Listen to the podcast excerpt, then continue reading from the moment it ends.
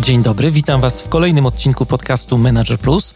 Przy mikrofonie Mariusz Hrabko, a to jest audycja o tym, jak zwinnie zarządzać sobą i biznesem. Jeżeli chcecie, żeby coś zmieniło się w Waszym życiu i czujecie potrzebę ciągłego szlifowania swoich umiejętności, zapraszam do słuchania moich audycji. Dzień dobry, dzień dobry. Witam wszystkich podcastowych słuchaczy. Wiem, że część z Was jest na urlopach, część z Was dopiero się szykuje na urlop, tak jak ja. Przebieram nogami trochę już, żeby w końcu wyjechać gdzieś. No a część wróciła z urlopu ze świeżą głową, e, pełną różnych pomysłów i takiego apetytu na wiedzę. I dzisiaj tę wiedzę będę Wam chciał dostarczyć jak najwięcej. E, będziemy rozmawiać o zaufaniu, jak zbudować zaufanie w zespole, jak zbudować zaufanie w firmie, czy w ogóle da się to zrobić. No a zacznę od takiej historii, która dość mocno mną wstrząsnęła. Myślę, że nie tylko mną. Niespełna rok temu e, nie mogłem się otrząsnąć po informacji, że Marek Niedźwiecki odchodzi z trójki. Ten Marek Niedźwiecki. Byłem z nim bardzo związany, z jego audycją, z jego muzyką. E, no i dowiedziałem się, że Marek wybiera życie pozaradiowe. Jeżeli ktoś jest fanem pana Niedźwieckiego, to e, bardzo dobrze kojarzy to hasło, właśnie życie pozaradiowe. Piszę e, o nim w książkach, e, używa tego hasła. No i stało się. Stało się to zaraz po tym, jak władze stacji usunęły 1998 notowanie listy przebojów. Listy z piosenką Kazika, Twój ból jest lepszy niż mój. Piosenką, która notabene w wyniku głosowania radiosłuchaczy trafiła na pierwsze miejsce w tym notowaniu. E, no i zaraz po tym fakcie władze stacji zarzuciły panu Markowi manipulacje przy układaniu rankingów listy. No a na stronach TVP Info pojawiły się oskarżenia, że pan Marek brał łapówki za forowanie odpowiednich miejsc na liście.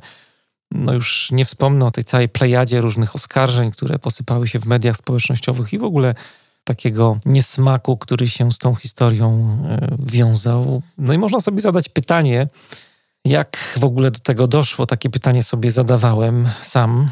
Dlaczego no, dyrektor, jakby nie było kultowej stacji radiowej, zareagował w taki, a nie inny sposób? E, dlaczego poprosił szefa muzycznego wtedy Piotra Meca o zrobienie czegoś z tym kazikiem właśnie, z tym utworem? Dlaczego wysłał mu o drugiej w nocy SMS-a? Zrób coś, żeby ta piosenka, o której rozmawialiśmy, nie była na antenie. Dlaczego w ogóle to wszystko poszło w tą stronę, w stronę takiego oskarżenia człowieka, który no, był marką, jakby nie było tej stacji. Dlaczego nikt nie pomyślał o konsekwencjach? No a może właśnie pomyślał o tych konsekwencjach no i nawet zaczął sobie to wyobrażać, jak będzie wyglądała jego przyszłość zawodowa, jeżeli ta piosenka nie zniknie z anteny. Ja tak naprawdę nie chcę tutaj wejść w jakieś polityczne dywagacje, bo to nie jest absolutnie moja intencja i ten wątek polityczny zostawmy na boku, który przy okazji tej historii się pojawia.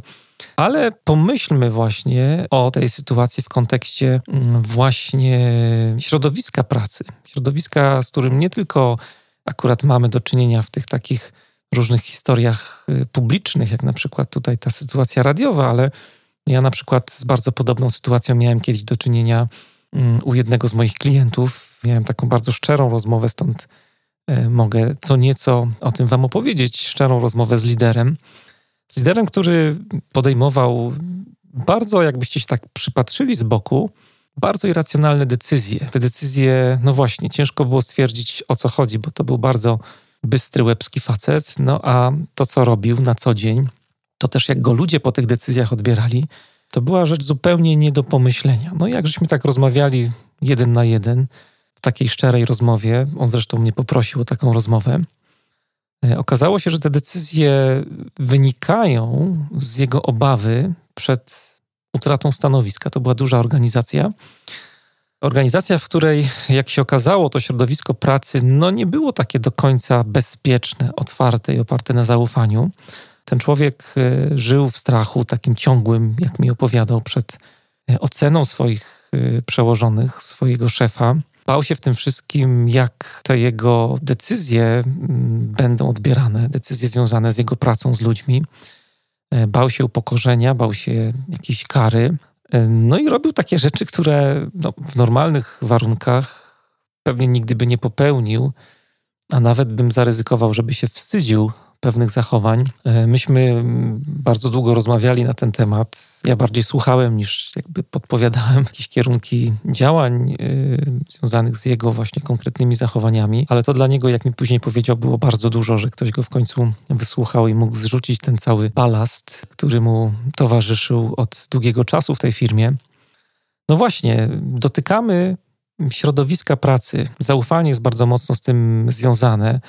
E, nie da się rozmawiać o zaufaniu bez właśnie środowiska, w którym żyjemy, w którym funkcjonujemy. My, jako ludzie, jesteśmy animal sociale, jesteśmy zwierzęciem społecznym i, i jako takie właśnie zwierzę społeczne bardzo mocno reagujemy. Może nie wszyscy jesteśmy tego świadomi, ale my reagujemy w taki inny sposób na środowisko, w którym przebywamy. No jeżeli y, umieścimy dobrą osobę w złym środowisku, no jest duża szansa, że ta osoba zacznie robić różne złe rzeczy, których normalnie by nie zrobiła. Takie jest właśnie oddziaływanie tego środowiska na, na ludzi i to też działa w drugą stronę. Jeżeli powiedzmy złą osobę umieścimy w dobrym środowisku, no to możemy się spodziewać, że życie tej osoby zmieni się na lepsze i będzie mm, bardziej wartościowe. Oczywiście nie wnikam, jak długo ten proces miałby trwać, ale siła oddziaływania środowiska jest właśnie taka. Kiedy lider tworzy takie dobre środowisko pracy, to ludzie będą wam odpowiadać tym samym. To jest trochę tak jak w tym powiedzeniu, że im więcej dobra dajemy, tym więcej dobra mm, otrzymujemy.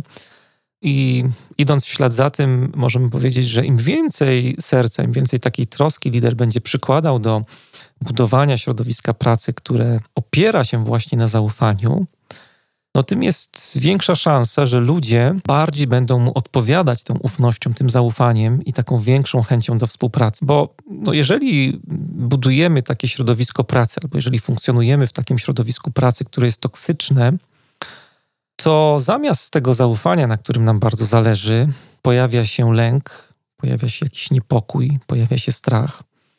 No, jak się pojawiają takie emocje z tym związane, co będzie, taka niepewność, to też pojawiają się te różne dziwne zachowania pracowników, dziwne zachowania szefa, liderów, jak mój przełożony zareaguje na to, co zrobię, na to, co powiem, co zrobi moja firma w tej sytuacji. To są takie sytuacje, które właśnie rodzą lęk i powodują, że no, lider jest takim liderem.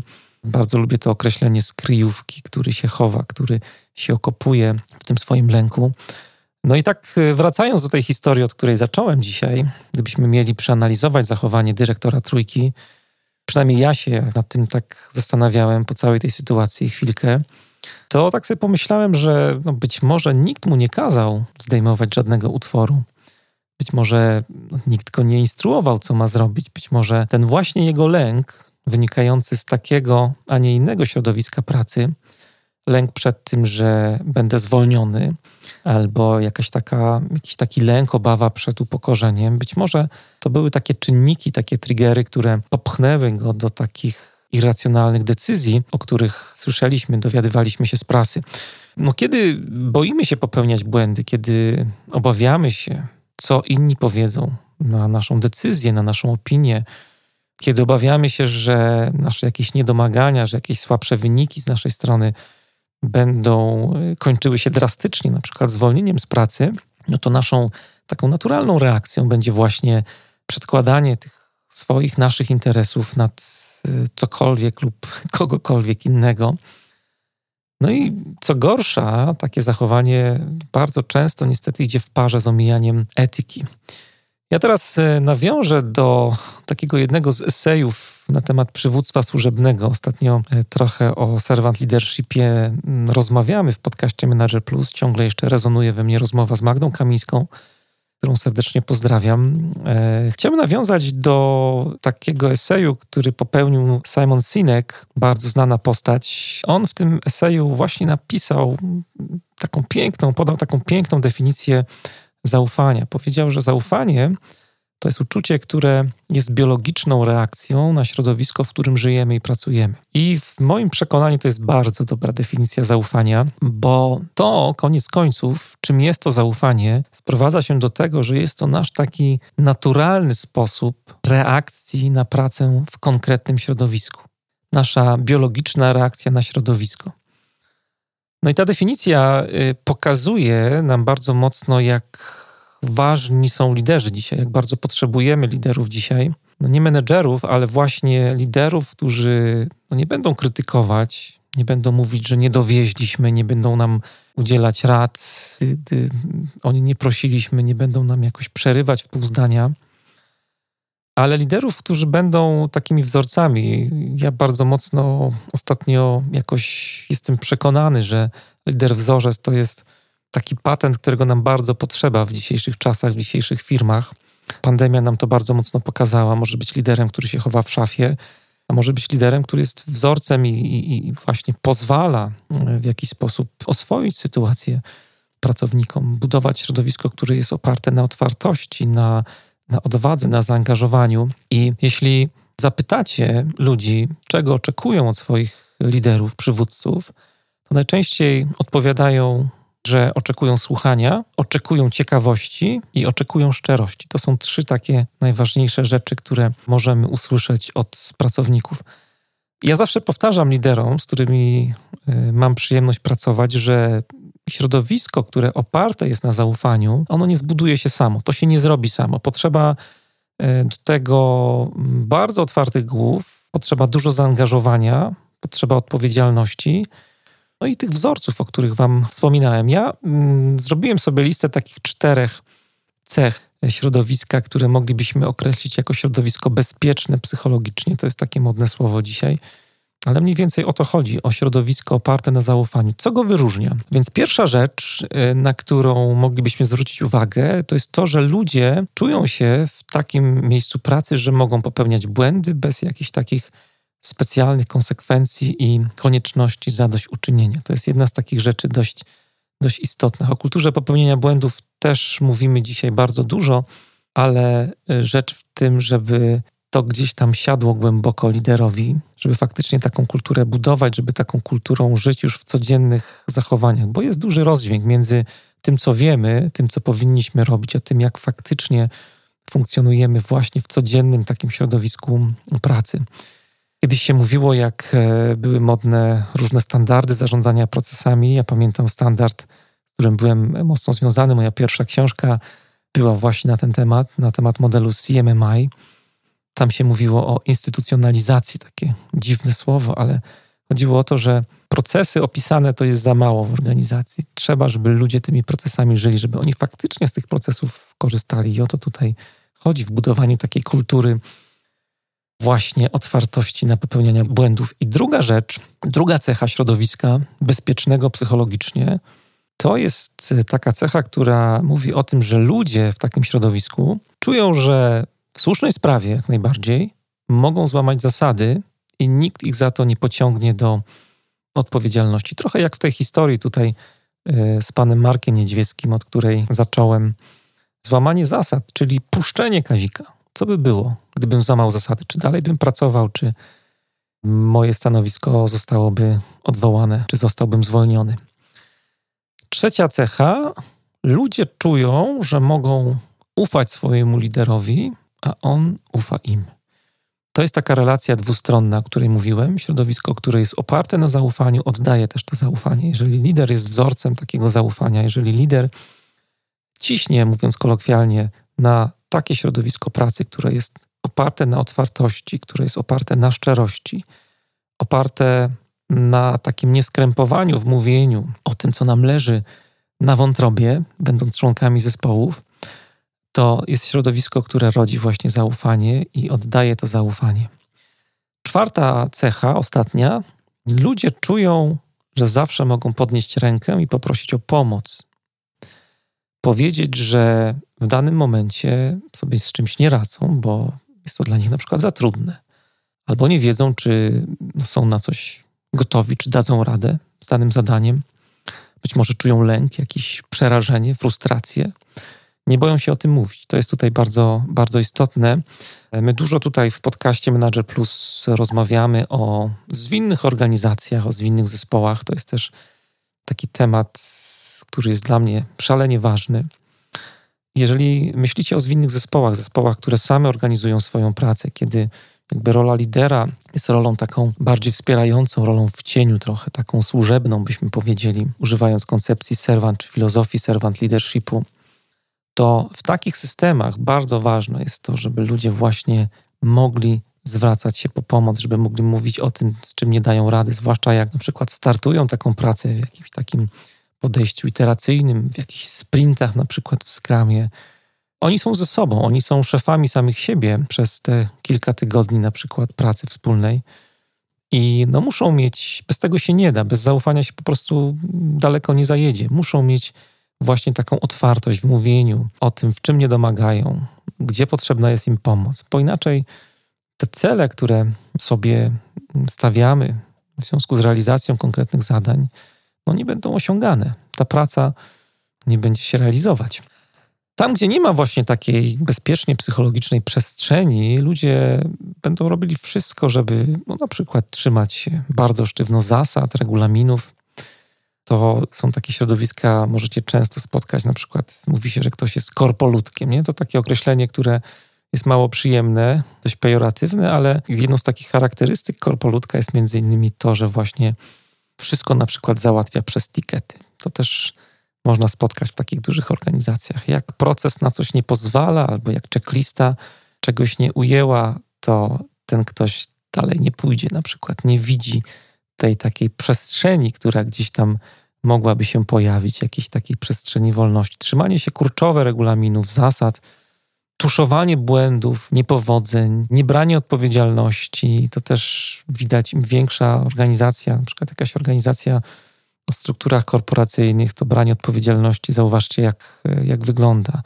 Jest taka wyuczona bezradność, albo szef jest odpowiedzialny, ja wolę jak mi się przypisze zadanie i tak dalej, i tak dalej. To są takie właśnie symptomy, które pokazują, takie sygnały, które pokazują, że to środowisko jest nie do końca bezpieczne psychologicznie. Ja tutaj absolutnie nie chcę też się przyczepiać do korporacji, ale no każdy z nas ma różne doświadczenie. Ja akurat pamiętam bardzo dużo takich sytuacji, akurat z dużych organizacji, gdzie miałem do czynienia z takimi miejscami, które były mało bezpieczne psychologicznie. Dużo inaczej wygląda to w firmach rodzinnych, na przykład, mniejszych organizacjach. Tam wydaje się, że ta otwartość jednak jest większa, szersza i tego zaufania jest dużo, dużo więcej. Jeśli chodzi o zaufanie, to definicja definicją, ale tak jak z wartościami, często mówię, że no wartości się nie definiuje, tylko doświadcza i z zaufaniem jest podobnie. Wystarczy, że wejdziecie po prostu do zespołu, wejdziecie do organizacji i już czujecie gdzieś te takie pozytywne ciarki. Wiecie, że ludzie tutaj w tym miejscu pracy mogą sobie tak faktycznie, tak na serio ufać. To zaufanie to jest rzecz, która była swego czasu dla mnie bardzo odkrywcza. Nie buduje się na zasadzie jakichś takich wielkich programów, na zasadzie programów zmiany w organizacji. To tak nie działa. Zaufanie e, budujemy serią bardzo małych kroków, bardzo małych doświadczeń. To jest taka kumulacja, można powiedzieć, e, małych rzeczy. Tego zaufania nie zrobisz w ten sposób w swoim zespole, że powiesz ludziom, udzielając instrukcji, słuchajcie, musicie sobie ufać, bo ja tak chcę, bo ja jestem tutaj liderem i musi tak być, jak, jak mówię, nie? To tak, tak nie zadziała. To nie jest jakby rozwiązanie siłowe, ale to jest seria doświadczeń, często małych doświadczeń, które prowadzą do budowania właśnie takiego otwartego, szczerego środowiska pracy. E, jakiś czas temu w e, naszym klubie czytelniczym w ramach e, naszej społeczności liderów Agile Leadership Tribe analizowaliśmy taki tekst Brené Brown, który pochodzi z jej takiej znanej książki Odwaga w przywództwie. Taki tekst, z którego fragment zapisałem sobie do notesu z cytatami. Nie wiem, czy macie taką praktykę. Ja bardzo to lubię. Takie życie cytatami, trochę wracanie do takich ulubionych cytatów, które trochę są takimi naszymi punktami odniesienia. Polecam Wam, jeżeli nie mieliście okazji zerknąć. Jest taka strona poświęcona pamięci znakomitego dominikanina, ojca Andrzeja Hołowatego, niestety już nie żyjący. człowiek, ale na stronie poświęconej jego pamięci możecie zerknąć, jak wyglądała jego cela. On miał taki zwyczaj, że zapisywał takie życiowe cytaty właśnie na ścianach w celi. Wygląda to bardzo, bardzo przejmująco. Zrobiło na mnie to duże wrażenie i pomyślałem sobie, że ten mój notes trochę ma e, taką formę takiej ściany w celi. Ja często sobie wracam do różnych cytatów, które siadły tak na dłużej. No i ten cytat jest jednym z nich. E, zaufanie rodzi się w zupełnie banalnych sytuacjach. Wcale nie ma związku z aktami heroizmu czy spektakularnymi poczynaniami, lecz z okazywaniem uwagi, aktywnym słuchaniem, wyrazami autentycznej troski i przejawami istnienia więzi. I te kilka wyrazów sobie jeszcze podkreśliłem mocniej. Uwaga, uważność, można powiedzieć, słuchanie, troska, no i więzi. To są takie, można powiedzieć, elementy programowe zwinnego przywództwa dla mnie, ale też można szybko tutaj zauważyć, bez jakiejś tam wnikliwej analizy, że zaufanie to jest właściwie pewna lista drobiazgów. E, myślę, że się ze mną zgodzicie tutaj. E, zaufanie składa się z takich drobnych chwil, chwil, które sprawiają takimi małymi krokami właśnie, że ludzie nagle zaczynają sobie ufać. W zespole zaczynają ufać też swojemu mm, liderowi. No i można powiedzieć tak, zmierzając już do końca tego mm, dzisiejszego mojego wywodu na temat zaufania, tych przemyśleń, że no, praca nad zaufaniem to jest praca nad pewnym stylem życia, tak bym to określił. To jest trochę tak jak na przykład ze stylem życia opartym na zdrowym żywieniu. Kiedy praktykujecie serię takich różnych drobnych kroków, no na przykład, nie wiem, uprawianie sportu, zaczniecie biegać albo chodzić po górach, kiedy zmienicie filozofię jedzenia, no to jest szansa na to, że uzyskacie dobrą formę, ale nie wystarczy, że po prostu wdrożycie ten program przez pół roku i, i to wszystko. To jest program, który wymaga ciągłej uważności, ciągłego bycia świadomym tego, co się robi i ciągłej pracy nad tym, żeby taką formę utrzymać. Ale no, w tym jest chyba sens właśnie, że praca nad zaufaniem jest bardzo podobna do pracy nad stylem życia. Ja się przekonałem o tym już ponad rok temu, zawsze uważałem, że jakby dieta nic mi nie da jako taka, nie? Tylko trzeba zmienić nawyki żywieniowe, zacząć się zdrowiej odżywiać. Zawsze w przeszkadzało mi, jak patrzyłem, jak znajomi się katują, to właśnie odważanie na przykład. Ja wiem, że są różne diety, ale odważanie jedzenia, niektórzy tak robili, niektórzy się głodzili bardziej i tak dalej, i tak dalej. Zmiana nawyków żywieniowych dała mi dużo, dużo więcej niż jakakolwiek dieta. Schudłem 6 kg, w ogóle nie myśląc o tym, że chcę schudnąć. E, działo się to naturalnie, a wszystko było efektem jakby nowego pomysłu na życie, nowego patentu na, na styl życia, na to, w jaki sposób e, się odżywiamy w domu i tak dalej, i tak dalej. Więc z zaufaniem jest bardzo podobnie. To jest praca nad zmianą mentalności, nad zmianą stylu życia, która się z tą zmianą mentalności wiąże. I żeby to się udało, to ty jako lider musisz ten styl liderskiego życia świadomie wybrać i świadomie go praktykować. No i może skończymy tę audycję jeszcze jednym cytatem, jednym z moich takich bardzo, bardzo ulubionych cytatów, do którego regularnie wracam, podobnie jak do całej księgi drogi Laozi. Tam jest taki fragment, który mówi, oczywiście są różne tłumaczenia, ale przytoczę jedno z nich. Musisz być dla świata głęboką szczeliną, która przyciąga i zatrzymuje niezniszczalną wartość. To zdanie można na różne sposoby też rozumieć, oczywiście w naszym kontekście, kontekście lidera, który buduje środowisko oparte na bezpieczeństwie psychologicznym. E, odniosę się znowu do tego wzorca. Musisz być takim niezniszczalnym wzorcem dla ludzi. Musisz być e, taką głęboką szczeliną, która te wszystkie zachowania oparte na zaufaniu będzie przyciągała i będzie zatrzymywała. To jest program dla ciebie, który chciałbym, żebyś zainicjował, żebyś zaczął bardzo świadomie i konsekwentnie pracować nad swoją drogą, nad tym liderskim stylem życia i żebyś faktycznie go w sposób taki konsekwentny praktykował. Na koniec jeszcze jedna informacja. No dokładnie tydzień temu ruszył nabór, już po raz czwarty mm, otworzyliśmy drzwi do naszej platformy rozwojowej dla liderów Agile Leadership Tribe.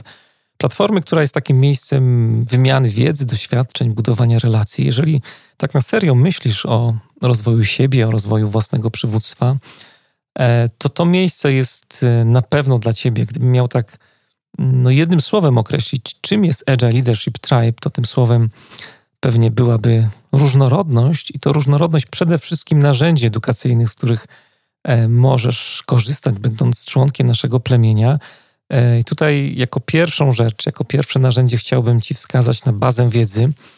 E, przez bazę wiedzy rozumiem tutaj artykuły, które mm, są dostępne i które można sobie poczytać, ale też nagrania wideo, które e, wspólnie z Olą e, produkujemy. Wspólnie z Olą jesteśmy też gospodarzami tego miejsca, więc spalamy się tam na maksa dla naszych współplemieńców. Jest też forum wymiany doświadczeń, można sobie podyskutować. Zrobiliśmy taką E, sekcję, która się nazywa Leadership Assistance. Jeżeli ktoś ma jakiś taki pilny problem do zaadresowania, do rozwiązania, to można napisać i wszyscy się rzucamy natychmiast, żeby tej osobie pomóc. E, jest sekcja taka luźna po godzinach, gdzie e, pojawiają się takie rzeczy niezwiązane do końca z pracą. Ze spotkań takich plemiennych to chciałbym zwrócić uwagę na klub czytelniczy, który się regularnie odbywa. I tam czytamy sobie fragmentami, co prawda, wybieramy co ciekawsze smaczki, różnego rodzaju lektury, które mają nas jakoś rozwijać, jeśli chodzi o e, bycie liderem. E, są też wyzwania, które pojawiają się tak w skali miesiąca. Mm, ostatnio pojawiły się też spotkania takie oddolne, e, spotkanie plemienne typu antykonferencja. To była inicjatywa przygotowywana w całości przez członków naszego plemienia. Są też spotkania integracyjne. E, no i rzecz, która chyba najbardziej jest popularna, póki co, tak przynajmniej różne głosy nam mówią mm, od naszych współplemieńców, tygodnie tematyczne. Bierzemy sobie na warsztat jakiś temat, na przykład rezyliencja lidera i wałkujemy go przez cały tydzień. Um, uczestnicy dostają um, materiały edukacyjne w postaci nagrań wideo, są ćwiczenia różnego rodzaju. Prowadzimy cię przez cały tydzień, dzień po dniu jest jakaś porcja i wiedzy, ale też praktyki, która pomoże Ci dany temat bardziej e, przepracować. E, jest jeszcze sporo różnych takich drobniejszych rzeczy, ale nie będę tutaj wszystkiego wymieniał. Niech pewna część tej naszej pracy społeczności pozostanie nieodkryta. W dużym skrócie można powiedzieć, że Agile Leadership Tribe to jest taki przenośny uniwersytet. Uniwersytet, który no, możesz zabrać do domu, możesz go zabrać do pracy. Niektórzy zabierają go także na urlop, o czym e, się dowiedzieliśmy ostatnio, albo na jakieś weekendowe wyjazdy za miasto. Możliwości jest bardzo dużo. Natomiast na co chciałbym zwrócić uwagę, i to się wiąże też z tematem, e, o którym dzisiaj Wam opowiadałem, mianowicie tematem zaufania e, i pewnego środowiska, które to zaufanie generuje. I myślę, że jest to taka społeczność bardzo kameralna, która opiera się właśnie na, mocno na zaufaniu i na takim środowisku, które jest bezpieczne psychologicznie.